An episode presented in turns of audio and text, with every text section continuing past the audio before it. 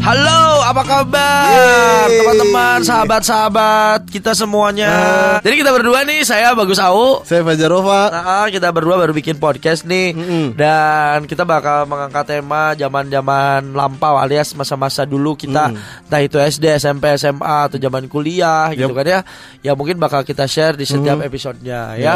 Maka dari itu si podcast kita dikasih nama Ingusan, ingatan. Usaha alias ingatan masa lampau.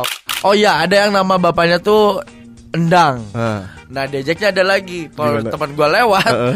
Ndang dut Palapa Cina Budak gendut di jalan lah Zaman dulu gitu Zidan, Zidan. Oh. Panggil gue Zidan. oh, Padahal ngejek bokap lu Padahal ngeledek bapak gua rambutnya botak sialan.